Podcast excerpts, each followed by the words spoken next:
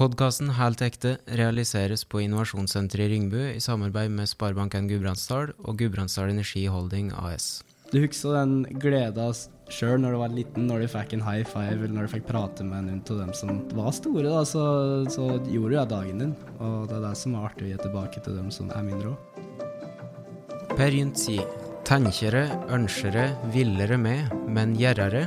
I podkasten Helt ekte får du historier og refleksjoner fra folk som har gjort det. Dette er gudbrandsdøler som har våga å gå sine egne veier, fulgt sin lidenskap og vært framgangsrike på sine områder. Du hører på Helt ekte med Håkon Odenrud og Sivert Rønn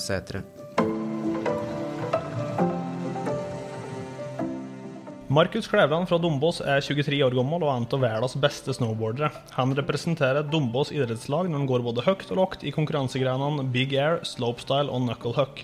Allerede som åtteåring fikk han sin første sponsorkontrakt med Nitro Snowboards, og ni år senere ble han nominert som årets gjennombrudd på Idrettsgallaen.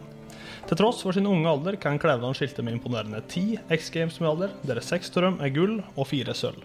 I tillegg står han med ett VM-gull og ei VM-bronse. Markus Klevland, hjertelig velkommen til Helt ekte. Tusen takk. Hvordan er det med deg? Eh, nei, det er bra med meg. Jeg var i Sveits for eh, litt over ei uke siden og landa litt vondt, så jeg har litt vondt i hælen. Men eh, ellers så, så er det tipp topp. Du ser det stort sett uh, høyt opp i lufta, roterende som et snowbrett på føttene. Men uh, hvordan ser egentlig en vanlig dag ut for deg? Eh, en vanlig dag er ganske simpel, egentlig. I hvert fall når jeg er hjemme, så står jeg opp. Eh, kan variere litt på tid, men eh, typ 11 eh, logger med mat, enten stikker i bakken, eller så setter jeg meg ned og gamer litt. Jeg kan fort bli gamende flere timer om dagen. men enten bakken eller prøve å være litt effektiv, Tomme, og så kjøre noe bil, henge med venner og ja, ta det rolig, egentlig. Hvor du spiller for noe? Nei, det går mye i Warzone, og jeg har like, Formel 1-simulator, eh, ratt og sete og like, hjemme. Så eh, det blir en del av det. Eh, også når du sitter med det, så blir du så sjukt eh, konkurransemenneske. Så eh, det er artig å ha med noen venner og spille det. Og så er det litt Fortnite, men ikke så mye nå lenger. Hvor mye timer kan du bruke en dag på å spille? Ja, jeg kan godt sitte en dag jeg, bare inn på rommet og spille. Eh, det er meg som gjør så mye generelt hele tida, så det er godt å bare sette seg ned og ta det rolig. Hva er det som gir deg mest inspirasjon og energi like, i hverdagen? Inspirasjon er vel egentlig Jeg hører mye på musikk. Eh, og det Når du kjører snowboard, så er jeg nødt til å ha musikk på øret. Og hvis jeg ikke har det, så er det som å hva skal jeg si, ete brødskive uten pålegg. Eh, du får bli meg som stoka på å kjøre. Eh, og så ser jeg på mye edits på YouTube. Mm, ja. Bare ting som generelt eh, er artig å se på eller høre på. Hvilken musikk hører du på? Uh, det er mye hiphop. Uh, jeg hører på Travis Scott, Gunna, uh, Don Tolliver. Det er mye slekk. Når kom denne interessa her? Uh, jeg veit egentlig ikke. Jeg har alltid vært interessert i noe musikk og, og alt det der. jeg husker da jeg var liten, og så fikk jeg meg en hjelm som hadde innebygd høyttaler eller ørepropper i hjelmen. og jeg syns det var så stas å ha på den og kjøre med musikk. Hvor gammel var jeg da? sikkert åtte år eller noe. Og kjørte rundt og syntes det var dritnice. Så uh, sikkert siden da uh, at jeg har hatt en greie for å kjøre med musikk. Når kom interessen for uh, snowboard? da? Uh, Søsteren min hun kjørte snowboard. Og jeg hadde jo en PlayStation der jeg spilte Sean Palmer. Gammelt snowboardspill. Uh, når jeg var tre, tre og et halvt eller noe. Så uh, jeg så jo at hun søster kjørte snowboard og hadde lyst til å prøve, jeg òg. Og pappa kjøpte snowboard til meg og stakk i bakken, og det var jo katastrofe. Jeg trodde at det var like enkelt som å se på at andre kjører snowboard eller å spille sjøl. Så eh, bytta til ski, kjørte ski litt, og så tilbake på snowboard og kjørte snowboard-sida. Ut ifra de researchene vi har gjort, så um, jobber far din i militæret. Og mor di på restaurant. Ja, mamma jobber på bunnpris. Ja. Um, var det bare tilfeldigheter at de uh, havna i bakken med dere, eller var det interesse fra dømmers side? Eh, nei, pappa og mamma og søsteren min har jo egentlig alltid kjørt ski eller snowboard. Eh, mamma og pappa kjører ski, men eh, de to andre søstrene mine de kjører snowboard. Så eh, nei, veit ikke. Jeg tror de bare syntes det var artig å være ute i, i skogen og, og, kjøre dem òg. Mm. Kan betydninga mor og far din hatt for karriera karrieren din? Uh, nei, jeg vil si at uh, mamma og pappa har vel egentlig vært grunnen til at uh, jeg sitter her i dag. pappa var jo med i bakken 24-7 og ja, tok meg ut fra skolen for å kjøre snowboard hvis det var kommet noen nyskjogg. Og ja, han var med på turer og, og alt. Så mm. uten han så tror jeg ikke at det har vært så mye snowboardkjøring, egentlig.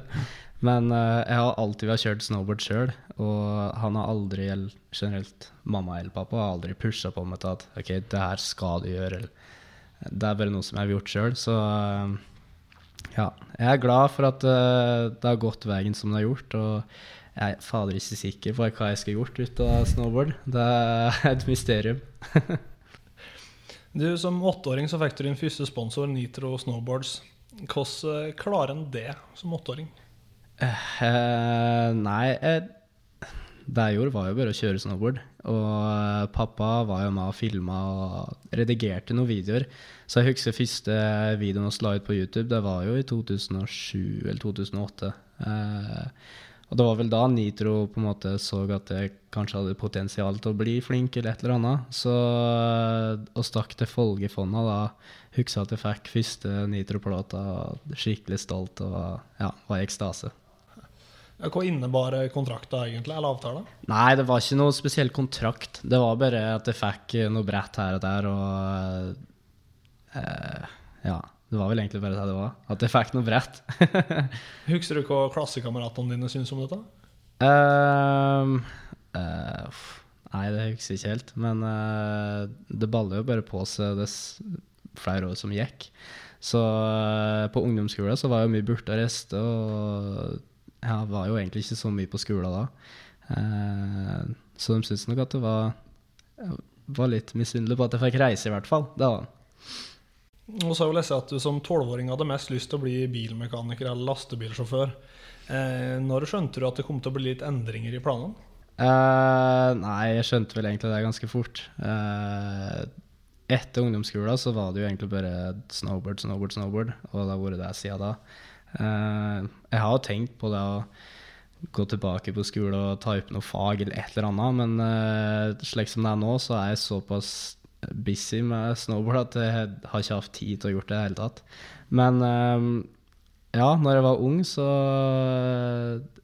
Onkelen min kjørte jo lastebil, og jeg var jo interessert i biler og mekanikere og slike ting. Så jeg hadde jo lyst til å bli en ting til de greiene. Men uh, det ble jo ikke det.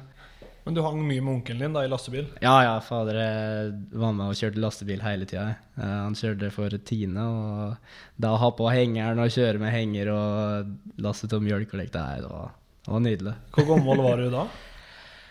Jeg var vel uh, seks, sju, åtte år, tror jeg. Så ja. Så hvis du ikke hadde vært snowboarder, så hadde du vært lastebilsjåfør? Sikkert vært lastebilsjåfør nå. Ja, ja. Du nevner jo at du er veldig busy om eh, dagen, Markus, eh, og reiser mye. Men eh, når jeg sier hjemme, hva tenker du på da? Eh, da tenker jeg på bakken generelt. Når jeg er hjemme, så prøver jeg å bruke mesteparten av tida mi i bakken. Eh, ellers så er jeg ute i Hågon. Jeg har et like, bitte lite 90 cm brett som jeg har på meg å kjøre med. Så ja, det går an å finne artige ting uansett Kjørne. Du har jo ved tidligere anledninger uttalt at det er ingenting som er som å komme hjem til Dombås. Eh, hvilken betydning har det hatt for deg å vokse opp her på Dombås i Gudbrandsdalen? Eh, altså Dombås er jo en såpass liten plass. Eh, jeg føler at alle kjenner alle, og det at jeg har bakken her, eh, vennene mine, familien Da å kunne komme hjem til deg er liksom eh, Når en er på tur, så blir det så stressende, og det er så mye folk, og ting skjer. Og da å kunne komme hjem og eh, koble av og bare gjøre det som du sjøl vil. Det er helt nydelig. Eh, jeg har prøvd å bo litt i Oslo, I hvert fall Eller ikke lenge, da, men to måneder er jo ikke noe å skryte av, det, men det var når jeg var skada. Men eh, jeg bare kjente at like, storby er ikke noe spesielt for meg enda i hvert fall. Uh, så ja, det å komme hjem der det er rolig og, og slikt, det er nydelig. Når du bor i Oslo, hvilke eh, savn er det du kjenner mest på da? Uh, nei, hva er det jeg tror? Det er vel egentlig bare det å kunne stikke ut og kjøre bil uten å måtte stå i lyskryss uh, hvert uh, femte sekund. Bare kunne ja, råne litt rundt på Dombås er, er nice. vanskelig å råne i Oslo? ja, det er, det er, litt vanskelig å råne i Oslo. Altså, Jeg er ikke så kjent i Oslo, altså, det er sikkert mange fine råneplasser der men uh, ja, det er greit på, på Dombås. Men denne her ski- og snowboardkulturen på Dombås, altså Emil Ullesletten og Johanne Killi, hva er suksessoppskrifta? Eh, jeg vil jo tro at Dombås har jo alltid hatt folk som har vært aktive i bakken. og altså Det er jo ikke så altfor mye rundt her. Du har jo enten fotball eller bakken eller langrenn. Så det blir jo dratt i en av de eh, kantene der. Eh, men alle som har vært i bakken, de er jo for det å pushe seg sjøl og venner, og alle kjører i gruppe. Eh, og så nå de siste årene så har det gjort helt sinnssykt bra oppi her. Eh, og så har jeg fått støtte fra Red Bull og støtte fra forbund, og Ove er jo en sjelekar, eh, kjernekar uten like. Eh, så ja, det er som har oppi her nå, det er helt rått. Ja, det er, jo ja. du, når du var yngre, like, 6, 7, 8 år, hvor mye eh, var du i bakken her på Dombås uh, vinterstid? Hver uh, tirsdag, torsdag og helgen. Uh, tirsdag og torsdag er kveldskjøring, og helga er åpent, så da måtte en bare utnytte det. Var det med som Vikus uh, høydepunkt? Ja, ja. Ja, ja. Da Stigebakken bakken var, var som ferie. Det var det. Og, men bakken var jo ikke så bra da. Eh, men vi gikk jo fortsatt ut og lagde hopp og satte ut bokser her og der. Og, slik. og det varte jo dritartig. Eh, så det er som Progresjonen til bakken har vært så sjuk å sett, som jeg sa, fra da til nå. For eh, bakken som er nå, er ikke gjenkjennbart til det som en var da. Du, Tidligere år ble jo arrangert ei X Games-kvalifisering her på Dombås, som du vel må sies å ha mye av æra for. Hvordan var det å vise fram det du gjerne omtaler som bakhagen? Eh, ja, det var jo et vellykka X Games-kvalifisering her i år. Vi oss hadde jo sommer i fjor, men da kom jo det var korona, og da ble det jo på en måte avlyst pga. Av, publikum fikk ikke lov til å komme. Så da at vi kunne ha publikum og ha åpen bakke i år, det var skikkelig bra. Og artig å kjøre foran eh, heimbygda. Det er det. Eh, kjente jo litt på Du ble litt nervøs. Eh, du har jo lyst til å gjøre det bra når du først er noe hjemme, sjøl om jeg hadde jo en billett til X Games fra før. Så det har ikke gjort noe om jeg ikke har gjort det bra, men du har jo lyst til å gjøre det bra uansett. Uh, så nei, det at vi fikk til en bra park, og at det var såpass bra vær, det var konge er det litt mer nerve når du skal eh, kjøre på hjemmebane enn ellers? Ja, jeg veit ikke. Det er bare litt annerledes. Eh, liksom når du sier Aspen og kjører X Games, så der er det jo nerver til taket, liksom. Men eh, det er bare en litt annen type nerve når du kjører foran heimbygda. Hva nerve er det i Aspen, da? Hvorfor er det annen feeling? Eh, nei, det er bare at du veit at eh, hvis du har eller hvis du lander det som du har tenkt, så kommer du mest sannsynlig til å komme på pallen. Og ja, du vet bare at du har en god sjanse, mm. eh, og du har lyst til å gjøre det bra. Og du vet at det er mange som ser på. Ja, du vil bare vise det beste til deg sjøl. Men er det litt fordi at folk legger lista der når de kjører i Espen, eller er det ja, Aspen er jo den plassen der det blir gjort mest nye triks uh, uansett. I hvert fall i Big Air. Fordi at hoppet er såpass stort, og alle kjørerne vet at X Games er jo det største Eller ja, det er jo det største vi har, utenom OL. Uh, så ja, de vil uh, dø for å få til triks, altså. Du har jo vært i kontakt med X Games og har fått opplyst at de aldri har målt hvor høyt dere faktisk er over bakken i Big Air f.eks. Eh, hvor høyt tipper du at dere er over bakken? Jeg har ikke peiling, jeg. Eh, ikke i det hele tatt. Men eh, det jeg kan si, er at jeg har sjukt høydeskrekk. Eh, det å stå liksom på kanten av noe, det er ikke noe nice. Men hvis det går i fart, og jeg kan hoppe og vet at jeg kan lande en plass, da er det ikke noe problem i det hele tatt. Men eh, nei, hvor høyt kan vi hoppe, tror du? Sikkert en sju meter eller noe? Kanskje høyere? Nei. Mm. Jo. Ja. ja. Omtrent. ja, men når du befinner deg der omtrent like, sju meter over bakken, da, og du henger opp og ned for tredje gang, eh, hva syns hun bestemor om det du holder på med? Eh, hun ser vel ikke på når jeg kjører, tror jeg. Jeg tror hun snur seg rundt og så bare hører på. Men hun vet hva du holder på med? Ja, ja hun vet uh, hva jeg holder på med. Ja. Hun ser på, men uh, når jeg kjører, så snur hun seg fra TV-en og uh, heller han hører på. Uh, og mamma er vel egentlig ganske sånn òg. kjæresten min er ganske sånn òg, at de ser på, men jeg har hatt øynene når jeg kjører, da. pappa er mer i lugn, det er han. Så ja. Det går som regel fint. Eh, etter ungdomsskolen Markus, så tok du jo et nokså utradisjonelt valg på et vis. Du beslutta jo å ikke begynne på videregående. Kan du fortelle litt om de vurderingene du gjorde opp der? Eh, ja, det var jo i tiende, som jeg sa, så restet jeg ganske mye. Og det var jo litt vanskelig å henge med liksom, når du hadde tentamen og eksamen. Liksom, og, like, jeg følte ikke at det var på samme nivå som de andre, på en måte. Uh, og da tenkte jeg at hvis jeg skal begynne på videregående, så kommer det jo til å bare balle på seg og, og alt det der. Og det er jo på den tida der er, Du har jo bare én sjanse i det her hvis du har lyst til å lykkes. Uh, så var det på en måte en gambling å ta. At uh, ok, hvis jeg går til skolen nå, så må jeg bare fokusere fullt på å kjøre snowboard. så jeg gjorde jo det. Og det har jo gått bra, for så vidt. Jeg er glad for at jeg gjorde det nå, i hvert fall. Men du føler at du har kompensert mye med å reise og oppleve verden. På hvilken måte har det vært med å kompensere? Um, altså, du lærer jo en del når du er på tur òg. Du får sett andre kulturer, og du får sett uh, hvordan folk generelt har det.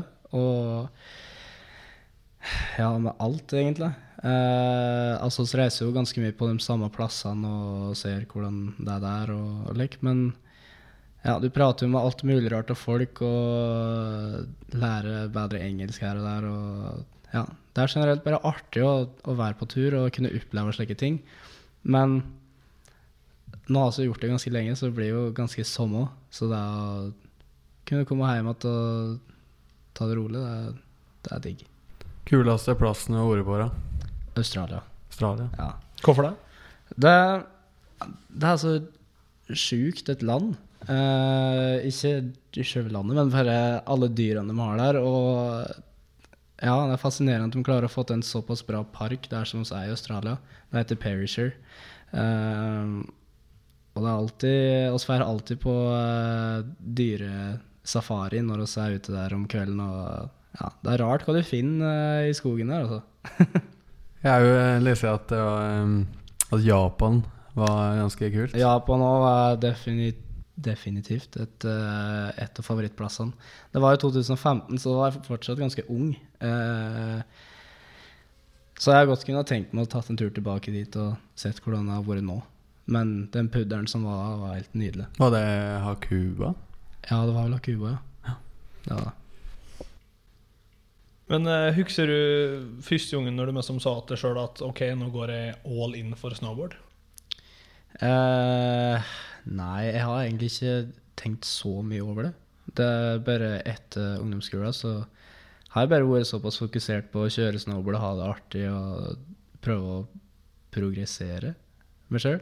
Eh, så det har vel egentlig bare gått eh, i renne, egentlig.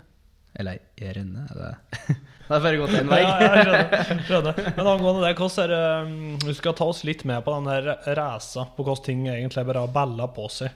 Eh, med konkurranser, med sponsorer og, og racing. Når begynte det liksom å eskalere? Uh, når jeg var 13, da begynte det å eskalere.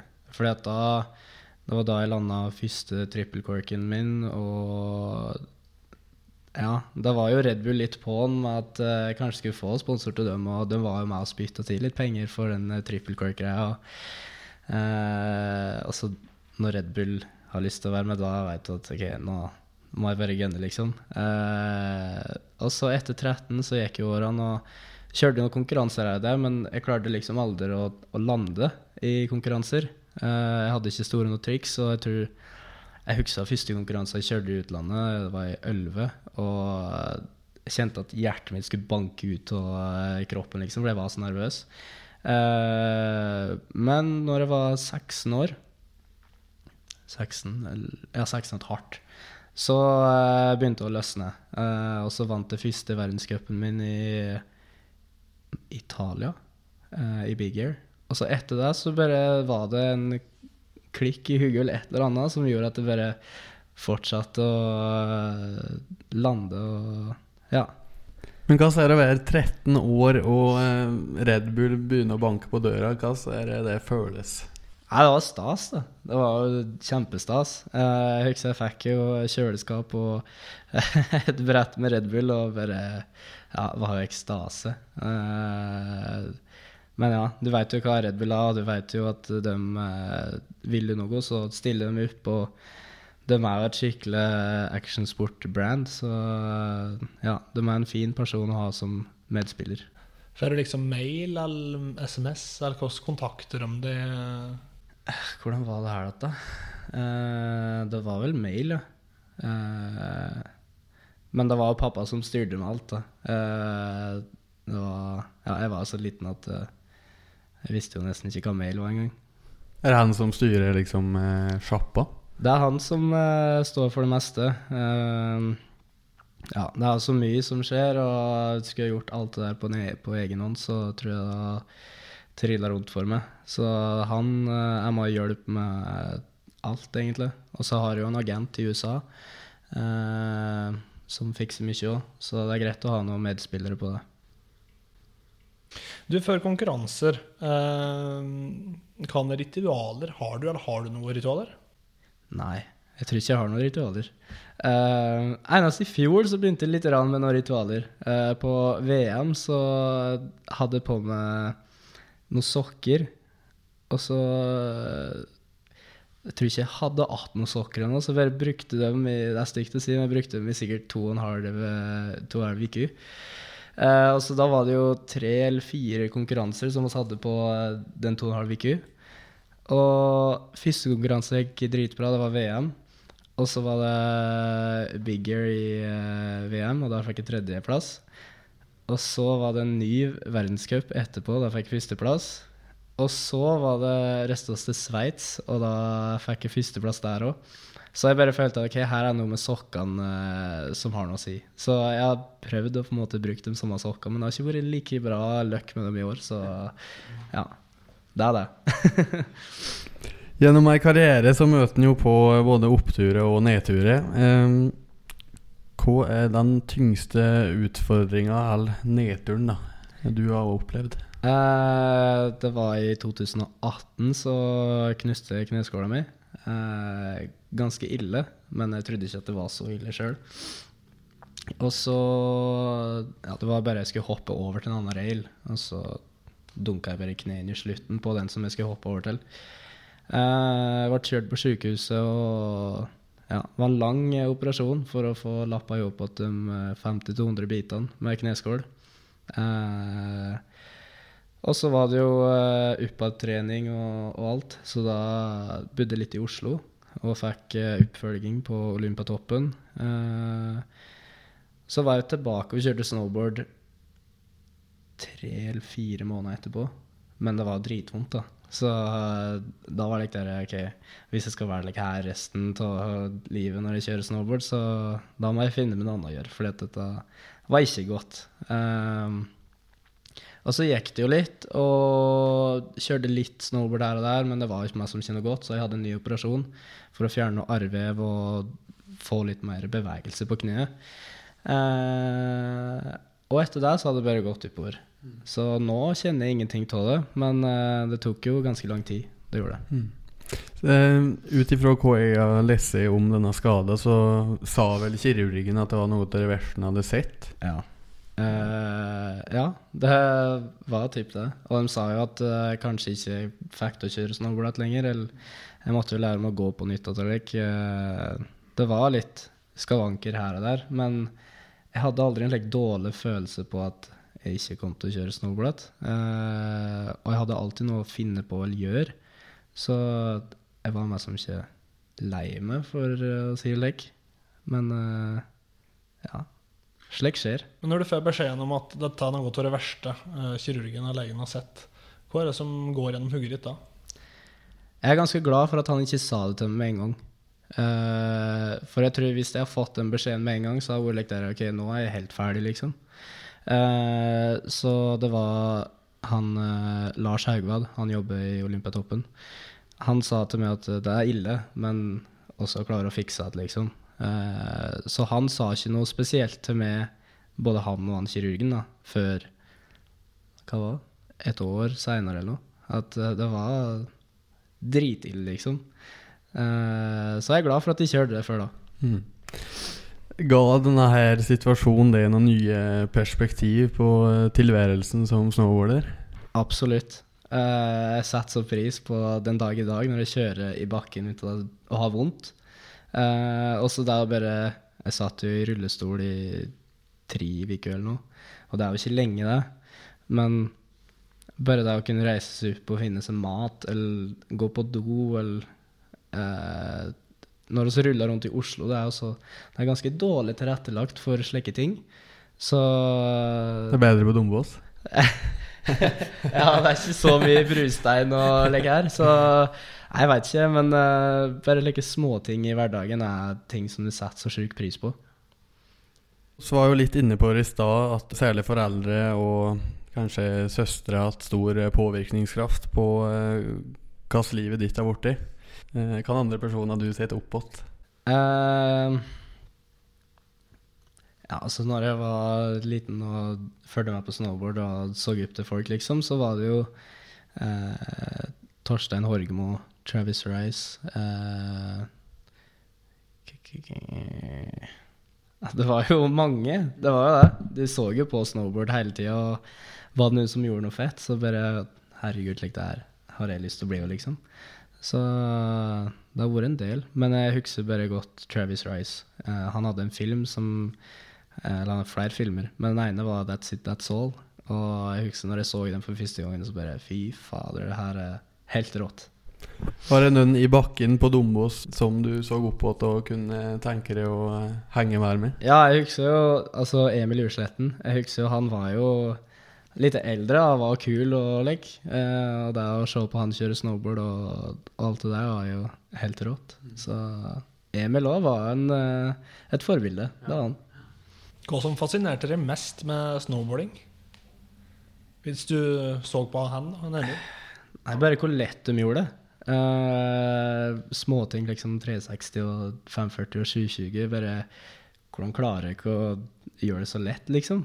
Uh, dere skal rundt dere sjøl og skal lande bra. Og når jeg prøvde, så var det, det, det var vanskelig å lande. Uh, og så så jo ikke ut i lufta. Så det er å bare få ting til å se bra ut, og at det, er som, at det bare går smooth, det det, er det som fascinerer meg mest.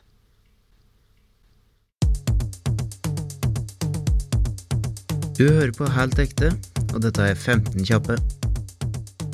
Hvis du kunne reist hvor som helst i morgen, hvor reiser du? Hellas. Hva er det beste komplimentet du har fått? Uh, du er flink. Er du A- eller B-menneske? Jeg vil si litt begge deler. Det varierer litt på hvordan uh, mood jeg er i. Du kan tilbringe en hel dag med hvem som helst person. Hvem hadde det vært? Danny Duncan. Nevn tre ting du ikke kan leve uten. Tre ting. Eh, PlayStation, telefon og Slå over det. Favorittfilm? 21 Jump Street. Favorittplass i Gudbrandsdalen? Dombås. Dårligste egenskap? Jeg klarer ikke å lage mat. Ville du hatt en høglytt eller nysgjerrig nabo? Høglytt, egentlig. Hoppe i fallskjerm eller gå Birken på ski? Jeg hoppa fallskjerm, men det var helt jævlig, så Birken. Ete ute eller ete hjemme? Eta ute. Vin eller øl? Øl. Støtt 20 minutter for tidlig ute eller støtt 10 minutter for sen? 20 minutter for tidlig. Vaske gulv eller skifte dekk? Skifte dekk. New York eller Rondane? Rondane.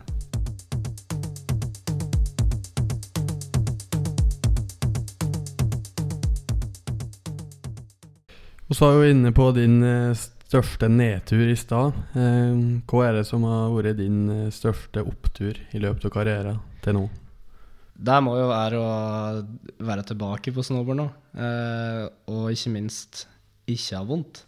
Eh, som jeg sa, det er å kunne kjøre snowboard nå uten å ha noe spesiell tanke på at hvis jeg lander feil eller eh, ditten og datten, så skal det gjøre vondt. Eh, det er å kjøre uten å kjenne på det, det er helt magisk. Det er det. I forhold til risiko, det er jo en uh, idrett der uh, karrieren kan være over på neste uh, hopp eller neste triks. Uh, hvordan håndterer du det med risikoen eh, rundt eh, snowboarding? Jeg kjenner at jeg har blitt mer og mer redd eh, med de årene som har gått. I hvert fall nå etter skade òg, egentlig. Eh, jeg var såpass ung da, eller jeg var 18 da. Eh, 19, 18-19. Eh, så da hadde jeg ganske mye att av en karriere, egentlig. Eh, så da tenkte jeg at ok, det her går fint. Men jeg tror hvis jeg hadde gått på en slags smell at nå, så hadde det vært litt vanskeligere å på en måte helt eh, hatt den mindseten som jeg hadde da. Uh, fordi at jeg er jo Jeg blir jo 23 nå, og ja, det vært litt pain og gått på den smellen igjen. Eh, men samtidig så må du jo klare å pushe deg sjøl, du må henge med resten og eh, Ja. Ting kan skje. Det er bare slik sporten er. Mm. Jeg hørte at du sier at det viktigste for å nå langt er å ha det artig. Likevel så det veldig, kreves det veldig mye terping og øving i en idrett som snowboard. Eh, altså en kan ikke gi seg. Er det noe som ikke er veldig lystbetont med snowboard?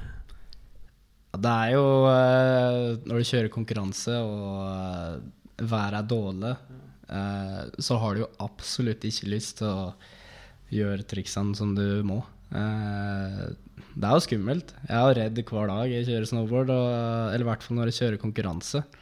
Fordi at du må jo opp på et nivå som ut av en komfortsone, liksom. Og det er, hvis det er dårlig vær og hardt, og, like, så har du jo absolutt ikke lyst til å lande på ryggen eller få en liten hælkontakt eller et eller annet. Så nei, det, det er ikke bare bare å, å kjøre konkurranserell. Hva er det ideelle snowboardværet? Slik som nå. Det er det beste. Det er slush som er Ja, liksom slush underlaget. er absolutt det beste. Ja. Ellers så er det jo eh, pudder og Pudder er helt magisk. Mm. Eller slush, pudder, eller bare nytrakka god skjugg. Det er best. Eh, som med alle andre idrettsutøvere, så eh, det kreves gode gener, eh, mye innsats og interesse for å nå langt. Og så handler det òg, som du sier, å liksom pusle det enda lenger. Eh, du var jo inne på det i forhold til Aspen. Der kliner folk til. Og så har jeg jo lest litt at du blir jo veldig forbanna på deg sjøl når du ikke lander triks du eh, hadde planlagt. Hva er vinnerskallen til Markus Klevland? Nei, vinnerskallen min Jeg jeg er ganske hard på meg sjøl, egentlig. Uh, men hvis det ikke går som jeg vil, så har jeg et tidsrom jeg har lov til å være sur på.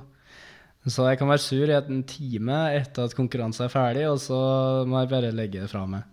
Uh, men jeg tror den gangen jeg var sintest, var vel i OL i Pyeongchang, i Big Air, når jeg ikke klarte å kvalifisere.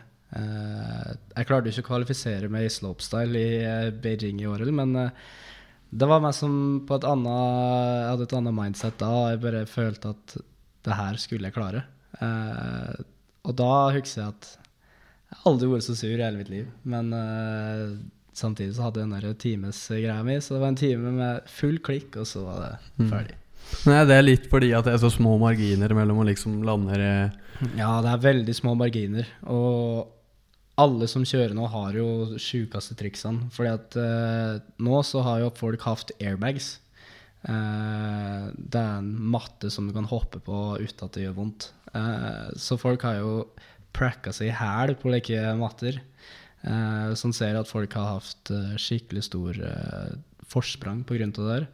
Folk som ikke har hatt beste triksene like, de to siste årene, har plutselig bare eksplodert gjennom taket med sjukeste triksene. Så det har jo en, en, en god del å si at du har et bra treningsunderlag. Eh, og driver og jobber med å få det i Norge nå òg, så det satser på at det blir bra. Du er jo inne på at du kan være veldig hard med deg sjøl hvis det ikke går eh, som du ønsker. Um, kan er personlige egenskaper er det som har vært medvirkende til at du har lykkes så bra som du har gjort?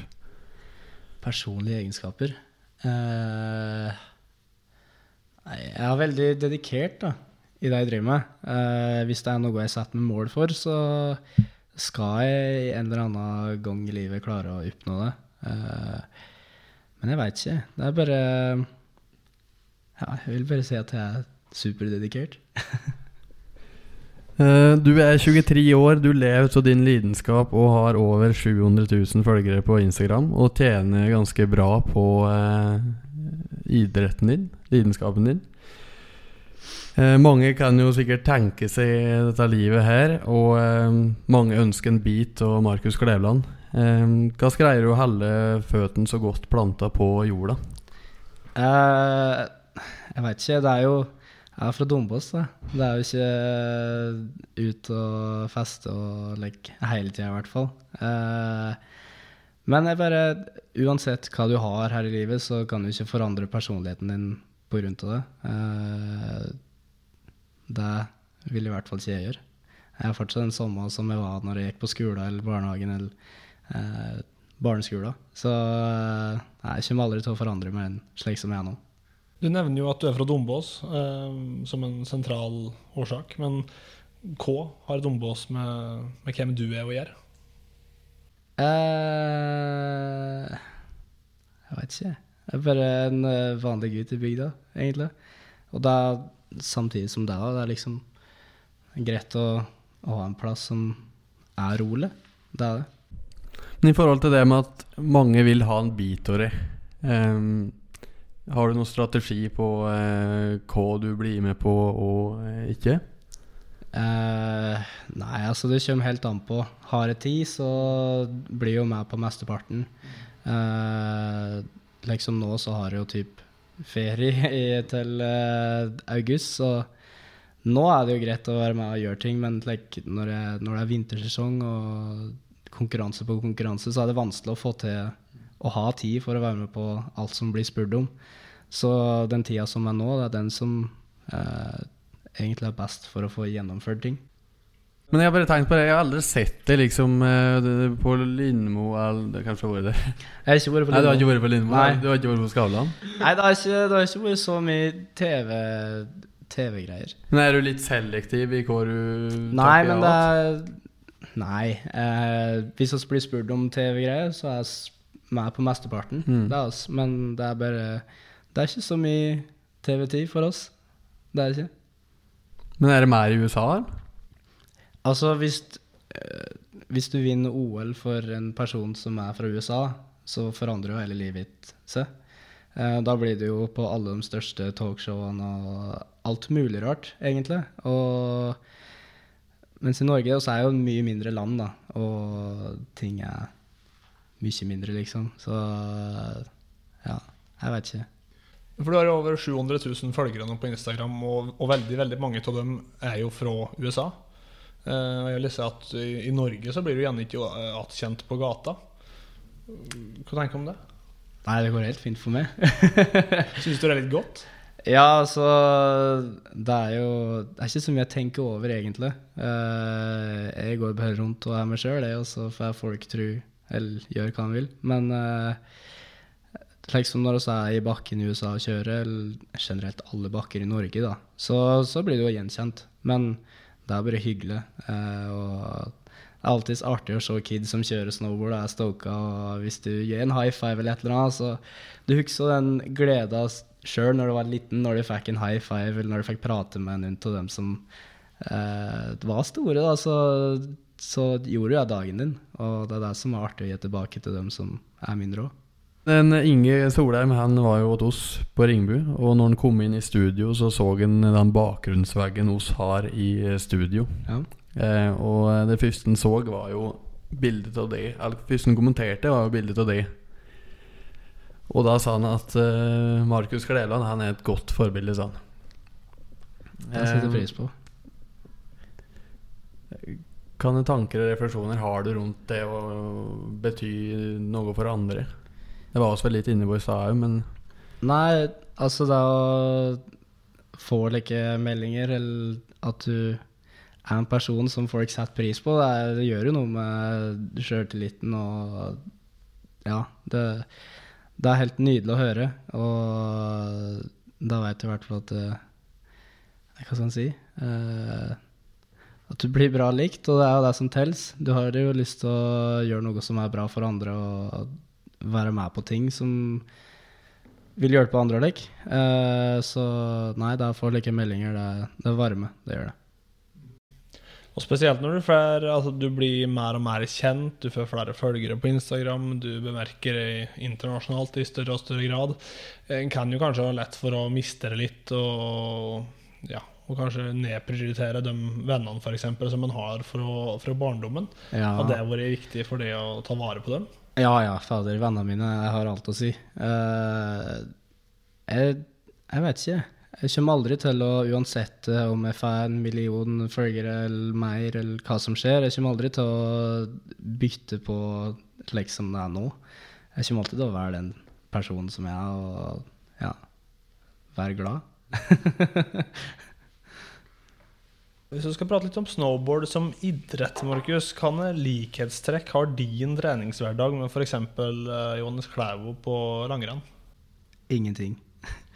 Absolutt ingenting. I hvert fall min hverdag, så jeg trener ikke. Uh, jeg et absolutt alt av det jeg har lyst til å ete. Uh, jeg gamer mye. uh, jeg har liksom ikke noe struktur på hvordan ting skal være i hverdagen. Det bare blir slik som jeg vil, egentlig. Så nei, jeg har aldri vært noe spesielt glad i det å trene og slik. Eh, Jeg føler beste treninga for meg er bare å kjøre snowboard og være stoka på å kjøre snowboard. Men hva med restitusjon? Jo, altså nødt til å ha litt restitusjon.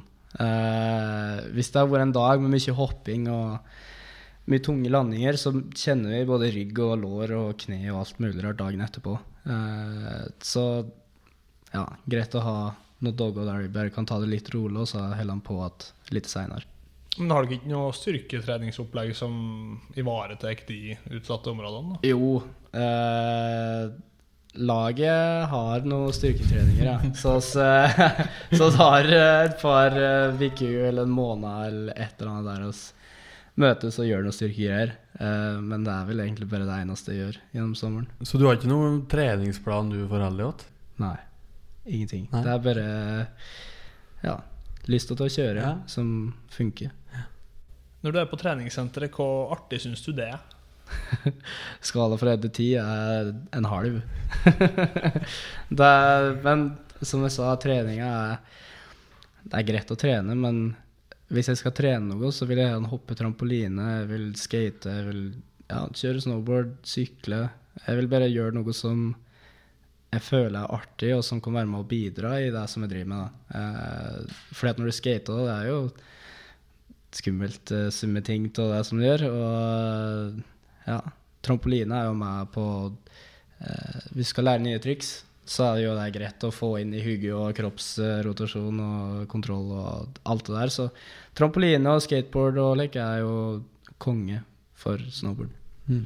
Så selv om du da sier at du egentlig ikke trener noe spesielt eh, Nei, jeg så, trener. så, så gjør du jo en hel del jeg gjør det. aktiviteter Jeg gjør det. faktisk Jeg er jo Jeg vil si at jeg er i aktivitet uh, hele dagen, egentlig. Uh, det er sjelden jeg bare sitter og sturer ute og gjør noe. Du også vet jo f.eks. at langrennsløpere har et voldsomt støtteapparat omkring seg, med flere trenere, smørebusser, smøreteam. Eh, Hvilket støtteapparat har du? Vi har landslaget, og så har vi Olympiatoppen. Så hvis du blir skada, så er det jo greit å ha Olympiatoppen, for de er jo med å fikse kroppen din igjen eh, og hjelpe til. Og landslaget de er jo med på eh, ja, å hjelpe deg rundt på reiser og tilrettelegge. Så det er dem vi har. Og så sponsorer, da, selvsagt. De er med og tilrettelegge, dem òg. Eh, men det er mest av landslaget som oss er med. Mm. Men noen OL sist nå, så eh, var smørerne eller prepperne dine utsatt med, med covid. Så Ja. du måtte smøre bretta eller preppe deg sjøl? Det som var, var at uh, oss var på X Games uka før OL. Uh, og da fikk uh, fysioen vår eh, korona. Og så flytta jeg og Mons bare rett ut til den leiligheten som vi hadde, fordi at vi ikke få korona. Uh, og så Før OL så måtte du gi en negativ koronatest ei uke før, eller hver dag i ei uke. Um, og så tenkte jeg bare nei, nå ryker OL. Fordi at nå har vi vært sammen med en person, og det er stor sjanse for at vi får liksom. Det gikk fint. Jeg og Mons kom oss gjennom X Games uh, vellykka og kom hjem til Norge. Og var på tur til å reise til OL, ja. Og så da fikk vi melding om at nei, nå har treneren fått eh, korona. Og da bare Ja. Da så reiste til OL, tror jeg, da. Eh, så det var litt rart. Det var en rar opplevelse å ikke ha med seg noen trener. Altså, Olympiatoppen var jo der med personer som man ville hjelpe oss. Uh, men det blir jo ikke samme som å ha den treneren som du vanligvis har med deg. Så det var litt rart, og heldigvis hadde vi smører, da. Så det var noe greit å måtte stå der og smøre sjøl, for det er tungt å drive og smøre òg. Det er en uh, helvetes til jobb. Men uh, nei, det var rart. Det var det. Så skulle helst hatt med vanlige trenere. Nå har jo du drevet med snowboard uh, for fullt i mange år. Er det noe du skulle ønske du visste før du setter ut på denne landeveien her, om man kan kalle det det? Jeg tror egentlig ikke det. Nei? Uh, jeg føler egentlig alt som har blitt gjort, og jeg syns det har vært artig hele veien. Uh, mesteparten har jeg på en måte lært meg sjøl òg, så jeg føler ikke noen andre som kunne gitt meg noen tips på hvordan det er å kjøre snowboard. Uh, men ja, kanskje Nei, jeg vet ikke. Jeg føler det har gått såpass greit at jeg ikke kan ha noe spesielt å tenke på. Nå er det jo offseason, og det innebærer jo kanskje litt andre aktiviteter eh, hva du pleier å drive med. Hva er det beste med å være snowboarder hvis du ikke kjører på snowboard? Nei, det er jo typ det å ha litt fri. Eh, som jeg sa, sesongen er såpass stressende. Det å kunne ta det ti-tolv på sommeren og kunne stikke på Herregud, jeg får ikke Nei, da kunne stikke til Syden eller et eller annet og ta det helt med ro, det er helt magisk. Nå har jeg også ikke vært i Syden nå på to år pga. korona, så det å kunne stikke dit i år, det blir, det blir nice. Hvilke tanker har du om eh, framtida, Markus? Um, tankene mine er kjøpe meg en uh, Hva det heter det? Ny bil? Nei, eller, jo, jeg må ha en ny bil en eller annen gang òg, men kjøpe meg et småbruk på Dombås som har uh, grei nok helling for å kunne sette opp et trådtrekk. Der jeg kan ha noen små rails eller noe hopp uh, og legg. Og så bygger meg et uh, greit hus.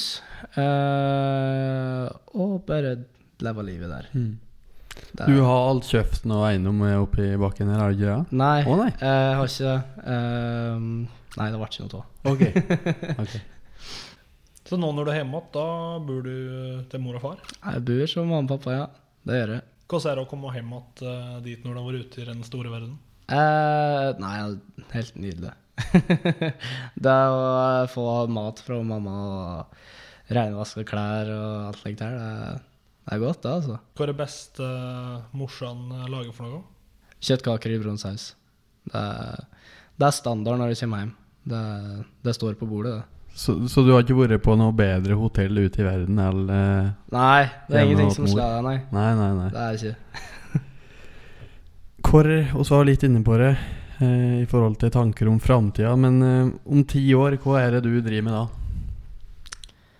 Så nå er jeg 23, da er jeg 33. Eh, jeg kjører snowboard. Så lenge kroppen vil det, da. Eh, jeg kommer an på om kneet vil gi etter en gang i tida, eller hva som skjer. Men eh, jeg vil se for meg at jeg kjører snowboard ennå. Eh, sikkert jobbe i en eller annen Se en eller annen sponsor eller et eller annet. Eh, ja. Det er det jeg ser for meg. Jeg har ikke noen andre planer, i hvert fall. Ting kan jo endre seg. da. Hvis du skulle gjort noe annet enn å kjøre snowbrett, hva har du jobba med da, tror du? Uh, Lagd musikk, tror jeg. Jeg er jo, eller jeg er jo interessert i det å lage musikk og lik. Så har vel måttet ha sendt melding på Kygo og spurt om jeg kunne lært meg litt. Hva tenker du blir viktige egenskaper i tida framover for å holde tritt med utviklinga? Nei, det er jo å kjøre mye snowboard.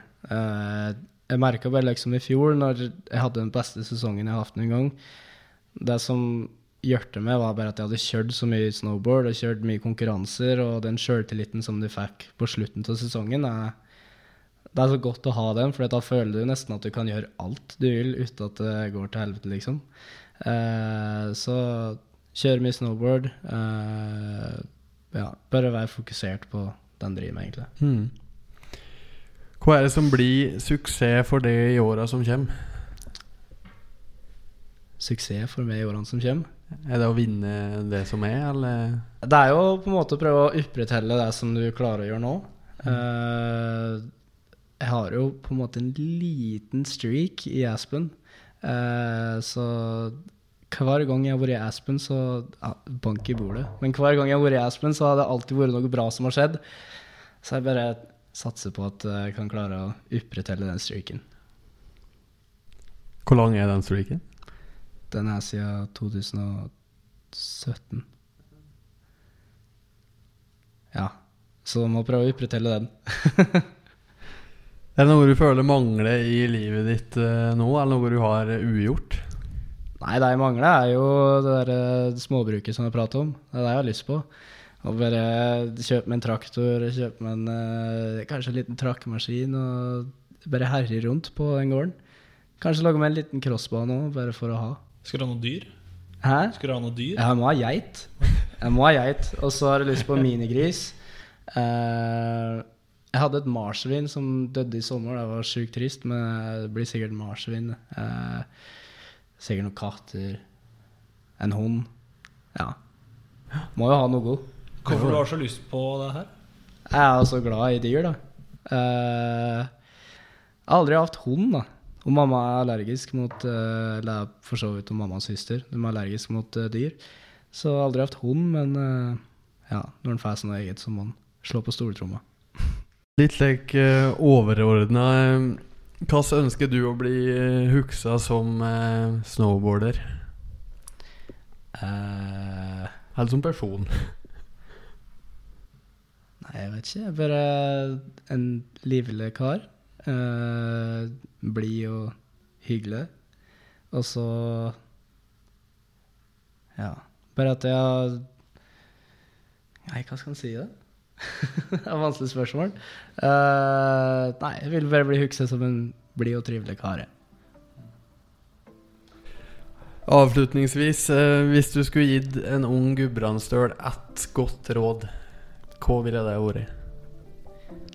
Uh, jeg er så dårlig på å leke med råd og lek. Men Jeg må bare tenke litt. Sjøl om jeg står jo helt stille på hugget. Eh, jeg bare tenker når jeg står på toppen og skal droppe inn for å gjøre triks Det er så mye verre å stå der lenge og tenke på trikset enn å bare droppe inn med en gang og gjøre det med en gang. For da er du ferdig med det. Og så får det bare gå som det går. Men gjør det med en gang i stedet for å utsette ting. Markus Klevland, tusen takk for at du kom mot Helt ekte. Takk likeså. Det var stas.